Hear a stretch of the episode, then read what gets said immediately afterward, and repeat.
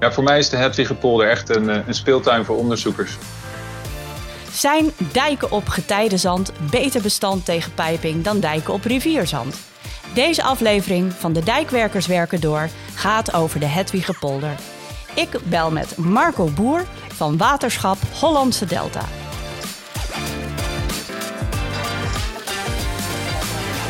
Marco Boer, leuk dat ik jou uh, spreek. Jij bent projectmanager bij Waterschap Hollandse Delta. Welkom in deze podcast. Ik begreep dat er uh, waterschappen bij jullie op bezoek zijn geweest in de Hedwigepolder. Wat speelt zich af in de Hedwigepolder? Ja, hartstikke leuk dat ik hier uh, aanwezig mag zijn om te vertellen over de grootschalige pipingproef in de Hedwigepolder. Nou, daarmee heb ik ook gelijk een deel van je antwoord gegeven. En daar komen allerlei waterschappen op af. Omdat uh, de proef uniek is, grootschalig. En ook de uitkomsten die zijn. Uh, uh, ja, de verwachtingen zijn echt groot. En wat maakt nou dat die waterschappen hier dan op afkomen? Nou, kijk, um, wij voeren die proef uit hè, met, met Vugere Dataris, het Hoogwaterbeschermingsprogramma, een innovatieve praktijkproef. Om de sterkte van het tijdenzand in relatie tot pijping te onderzoeken. Mm -hmm dat hebben we al een keer in het verleden gedaan uh, langs de Friese Waddenkust. Ja. Daar was die uh, wat kleinschaliger. En hier doen we hem eigenlijk nog groter. Als zeg maar een soort kerst op de taart. En ter bevestiging van hetgeen we daar wel hebben gezien. En omdat uh, het vouwmechanisme pijping zeg maar in meerdere waterschappen speelt. Dus elk waterschap die in het verleden met getijden. Nou ja, heel Nederland heeft, heeft altijd al tegen de kust aangeleefd. Dus je hebt heel vaak de situatie dat je getijdenzand hebt. En eh, dat vonden we ook in de Hedwigepolder. Vandaar dat wij die proef daar ook konden doen in de Hedwigepolder. Om daar uh, die proef te simuleren. Zeg maar. Ik begreep dat de Hedwigepolder voor jullie wel een speeltuin is. Hoe kan dat? Uh, nou, de Hedwigepolder is uh, een polder die straks ontpolderd wordt. Dus die wordt teruggegeven aan de natuur. De dijken worden weggehaald. Ja. en ehm, door een aantal partijen is die, die hele polder zeg maar als speeltuin ingericht. Dus er kunnen allerlei uh, onderzoeksbedrijven, maar ook uh, overheidsinstellingen en, en Deltaris, de universiteit, iedereen kan daar eigenlijk losgaan en vrij risicoloos allerlei proeven doen. En, en wat verwacht je eigenlijk van de uitkomst? je zei al, hij is in Friesland ook een keer gedaan. Is het zo dat je dezelfde uitkomst verwacht? Of verwacht je uh, nog meer uh, input? Nou, we hebben, we hebben ze, we als BV Nederland, hebben geleerd zeg maar, van die proeven in Friesland. Ja, al die lessons hebben we ook weer geïmplementeerd in deze grote praktijkproef. En uh, ja, ter bevestiging van het eigenlijk wat ze op papier al hebben, hebben gezien hè, en, en vermoeden, kunnen we het daar buiten nu echt als een bewezen techniek laten worden. Nou ben ik natuurlijk heel nieuwsgierig. Wat heb je dan geleerd in Friesland? Um, nou, er zijn, er zijn, een deel van de proef was daar uh, niet. Er zijn allerlei ja, verrassingen ontstaan, zeg maar. Uh, in, de, in de opbouw van de proef, maar in de werking van de proef. En dat hebben we nu scherper gemaakt. Mm -hmm. En die fouten hebben we zeg maar nu voorkomen in deze nieuwe installatie. En hoe lang gaat, gaat deze pipingproef duren? Um, nou, die duurt nog een aantal weken buiten fysiek in het veld. Want dan moeten wij ook gewoon weg zijn. Hè? Want we zitten daar op het grondgebied van een aannemer die dat terrein daar gaat ompolderen. Ja.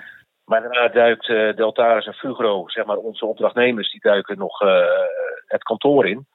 En in een laboratorium gaan ze nog allerlei kleine schaalproeven doen. En ter bevestiging van wat ze buiten hebben gezien, ze gaan al die data natuurlijk ook interpreteren. Um, en dan hopen we eigenlijk in de eerste helft van volgend jaar echt een rapport te hebben met een aantal stevige conclusies. Wat gaan jullie doen met die conclusies? Wat is het belang uh, van dit onderzoek? Nou, kijk, het Hoogwaterbeschermingsprogramma die, uh, die, die financiert dit hè, vanuit het Rijk. En we hebben gezegd, uh, Fugro Notaris en het waterschap, deze kennis is niet alleen voor ons. dus niet alleen van de markt, ook niet alleen van de opdrachtgevende kant, maar die wordt straks voor PV Nederland. Dus je kunt je voorstellen op het moment dat de rekenregels ten aanzien van pijping hè, mm -hmm. uh, veranderen, worden die straks meegenomen in het wettelijke beoordelingsinstrumentarium. Zeg maar de, de boekjes om die faalmechanismes te beoordelen. En zo heeft iedereen er straks profijt van. Dank je. Ja, dus die kennis wordt gedeeld. Omdat ik nieuwsgierig ben naar alle ins en outs van deze proef, bel ik met Mark Heima, onderzoeker bij Deltares. Mark, welkom. Dankjewel. Ik heb mijn uh, laarzen aangetrokken met uh, veiligheidsneuzen en ik sta naast jou in die Hedwiger polder. Wat zie ik dan? Ja, nou, de Hedwigerpolder is een uh, bijzonder gebied op dit moment. Het, het, ligt naast de kerncentrale, het ligt naast een hele grote haven van, van Antwerpen. Maar als je de andere kant op kijkt, dan zie je juist een heel mooi natuurgebied al, het land van Saaftingen. En de polder, de Hedwigerpolder, is een voormalig landbouwgebied dat dat omgebouwd wordt tot een natuurgebied met allerlei kreken en dat bij hoogwater onder water staat. Mhm. Dus daardoor is het nu een gebied, het voormalige akkerland, met heel veel ja, distels en ruige vegetatie. En verder rijden er enorm veel vrachtwagens en graafmachines rond om, om de dijk rondom het gebied uh, weg te halen. Nou, dichter bij onze proef, dan, dan zullen jullie een, een, vrij grote bult zien. Een bult zand met uh, zo'n zo 7 meter hoog ten opzichte van de omgeving. Ja. En uit die bult zand daarbovenop steken nog uh, acht buizen die nog vier meter hoger uh, de lucht ingaan. En, en, dan naast die bult zand, die ongeveer uh, 40 meter breed is, dan aan beide kanten van die bult, daar, daar ligt een sloot. Daar hebben we een sloot gegraven. Dus dat is wat je ziet. En verder enorme keet en allerlei buizen en containers en draadjes. Heel veel bedrijvigheid. En hoeveel mensen zijn daar op zo'n uh, uh, moment dat jullie uh, aan het onderzoeken zijn? Hoeveel mensen zijn daar mee bezig? nou, van de onderzoekers zelf zijn er vaak zo'n vijf, zes aanwezig overdag. in de avondploeg een stuk of twee, drie. We werken steeds van zo'n zeven uur tot elf uur s avonds. Oké, okay. dus lange maar dagen. we hebben ook heel veel bezoek gehad. en dan was het, ja, er waren zo veertig mensen kwamen soms langs. Dus dan was het heel erg druk. Maar we, we, hebben inderdaad lange dagen, maar wel in twee shifts. En dan s'nachts, dan, dan houden we het daar stabiel, zeg maar. Dan is, uh, is er niemand bij. En jullie doen daar uh, de zogenoemde pipingproef. Kun je ja. eens vertellen hoe die in zijn werk gaat? Zeker. Nou, wij, zijn, wij doen onderzoek dus naar piping in, uh, in getijdenzand. En, dat is een type zand dat afgezet wordt in een getijdengebied, zoals denk aan de Waddenzee. En in dit gebied lag dat getijdenzand zo'n halve meter onder het oppervlak en is daar circa 4 meter dik. En wat wij proberen te doen, wij proberen eigenlijk piping uh, na te bootsen door een hoogwater na te doen. Ja. Uh, dus met die grote acht buizen die ik net vertelde, die uitsteken boven, boven de grond nu. Daarmee kunnen we dat zand uh, vullen met water eigenlijk. Dat zand ligt al deels in het grondwater, maar als je daar met die buizen nog meer water in pompt eigenlijk, dan, dan neemt de druk ja. van het water in dat zandpakket toe. Ja. En daarom hebben we op een paar plekken een sloot gegraven. En dat is dan eigenlijk het ventiel van het getijdenzand, zou je kunnen zeggen. Dus we voeren de druk op in het, in het zand. Ja. En dat vindt dan een soort ventiel in die slootbodem. Dus daar begint op een gegeven moment water uit omhoog te borrelen. Omdat de waterstand in die buizen hoger staat dan in de sloot. Dus Ja. je krijgt een soort uh, communicerend vat. Eigenlijk hetzelfde als uh, wat er uh, om een dijk gebeurt. Ja, dus, dus tegen een dijk tijdens hoogwater staat er water tegen de dijk aan. En als dat water in contact komt met een zandlaag die onder de dijk doorloopt, dan krijg je dus ditzelfde soort proces. Dan begint het water onder de dijk door te lopen en dan komt het in een sloot omhoog. En als dat water maar snel genoeg gaat stromen, dan, dan kunnen er ook zandkorrels meekomen. En krijg je kleine tunneltjes, de, de pipes. Piping is een zogenoemd faalmechanisme. En, en Ja. waarom is piping zo gevaarlijk voor dijken? Nou, die kleine tunneltjes die, die groeien vanuit de sloot richting de dijk. En die zijn millimeters groot. Daar beginnen ze mee. En die, dus dan is het nog niet gevaarlijk. Mhm. Maar heel langzaam groeien die pipes richting, eh, richting de rivier eigenlijk, richting het hoge water. En dat gaat met ja, maximaal een paar millim, of 1 millimeter per seconde. Dus dat gaat niet zo snel. Maar het grootste gevaar is als dat, als dat tunneltje bij de rivier uitkomt eigenlijk. Dus onder de dijk doorgegroeid is en dan in contact komt met die hele grote berg water daar. En dan gaat dat tunneltje steeds groter worden en heel snel ook groter worden. Dus dan ontstaan er echt gaten in de dijk. Nou, eigenlijk niet. Eh, er komt eigenlijk een tunnel onder de dijk door. Ja? En daardoor zakt de dijk eigenlijk in, in die tunnel. Dus er vindt verzakking van de dijk plaats. Ah, En, precies. en dat zorgt voor zwakte. En dan kan daarna de hele dijk eh, ja, kapot gaan door dat water dat er tegenaan duwt. Ja, dus, dus piping kan leiden tot verzakking van de dijk.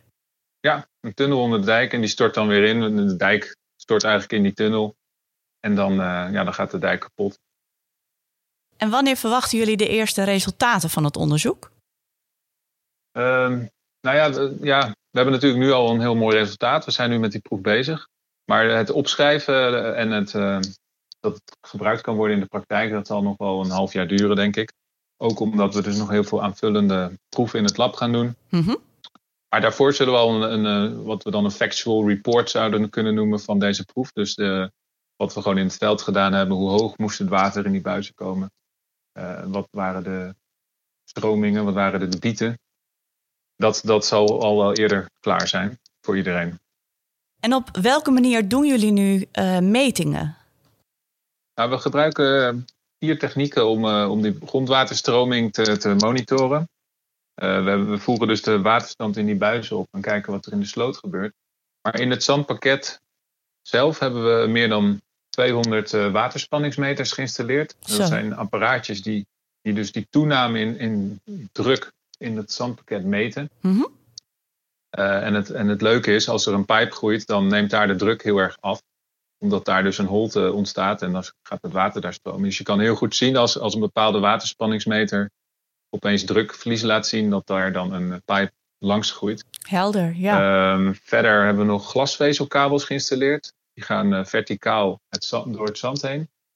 En die warmen we om de zoveel tijd op. En omdat dat water langs die glasvezelkabels stroomt, dan koelen die uh, kabels weer af. En het idee is dan als dat water sneller begint te stromen, dan koelt die kabel ook sneller af. Dus op die manier krijg je inzicht in de grondwaterstroming. Oké, okay, ja. Uh, een andere techniek is nog elektrische weerstandsmetingen.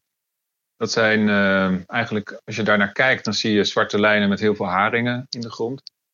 En via die haringen schieten we eigenlijk stroom door de grond heen.